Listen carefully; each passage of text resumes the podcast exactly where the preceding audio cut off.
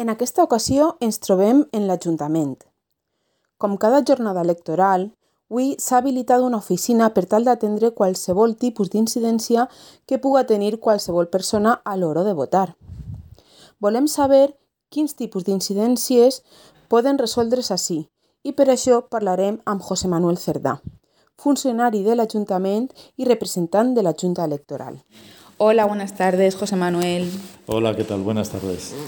Pues cuéntanos un poco, concretamente, cuál ha sido la finalidad de esta oficina hoy y en qué ha consistido tu Bueno, labor todo el día. Aquí estamos desde primera hora de la mañana, siete y media. Nos hemos reunido con los representantes de la Administración, que son los, las personas que están en las mesas electorales recogiendo información y pasando información a su delegación del Gobierno. Por otro lado, aquí en el Ayuntamiento ha estado abierto y sigue abierto hasta las 8 la oficina de atención al público para consultas al censo o posibles reclamaciones que las hubiesen, que creo que no ha habido ninguna. Ha- Han habido consultas hasta ahora, reclamaciones no hemos tenido que tramitar ninguna. Y eh, por otro lado, pues estamos trabajando también la secretaria junto conmigo y otras personas más, pues en lo que es ya la recogida ahora a partir de las 9 de la noche, aproximadamente 9, 9 y cuarto, de la recogida ya de datos de escrutinio. Muy bien.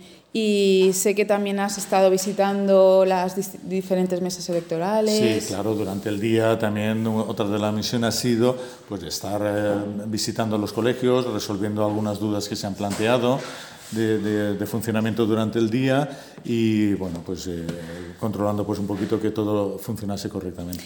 ¿Y qué tipo de incidencias y más en concreto os habéis encontrado o habitualmente las que más suelen ser o hoy en concreto? Ah, Este año hemos tenido muy poquita, no ha habido mucha incidencia, pues a- alguna como incidencia así un poco destacable, pues algún voto que se ha colado en una urna diferente a la que tenía que, que- que introducirse. Eh, incidencias entre los partidos políticos, que si uno llevaba una publicidad que no podía llevar, o publicidad en alguna, en alguna fachada delante de la puerta de un colegio electoral que se ha tenido que retirar, eh, cosas de, normales de- de- del día. Y José Manuel, ¿quién puede dirigirse a esta oficina? ¿Únicamente los miembros que estén en mesas electorales o cualquier no, no, ciudadano? eh, La oficina de, de consulta, cualquier ciudadano que no sepa dónde, no sabía dónde tener que, que ir a votar, pues aquí se le consultaba y se le informaba de la mesa y el colegio electoral donde tenían que, que ir. Y cualquier per- persona de partido político, pues alguna también alguna duda que han tenido. Pues nada, muchísimas gracias y aún nos queda un ratito importante. Muy bien, hasta luego.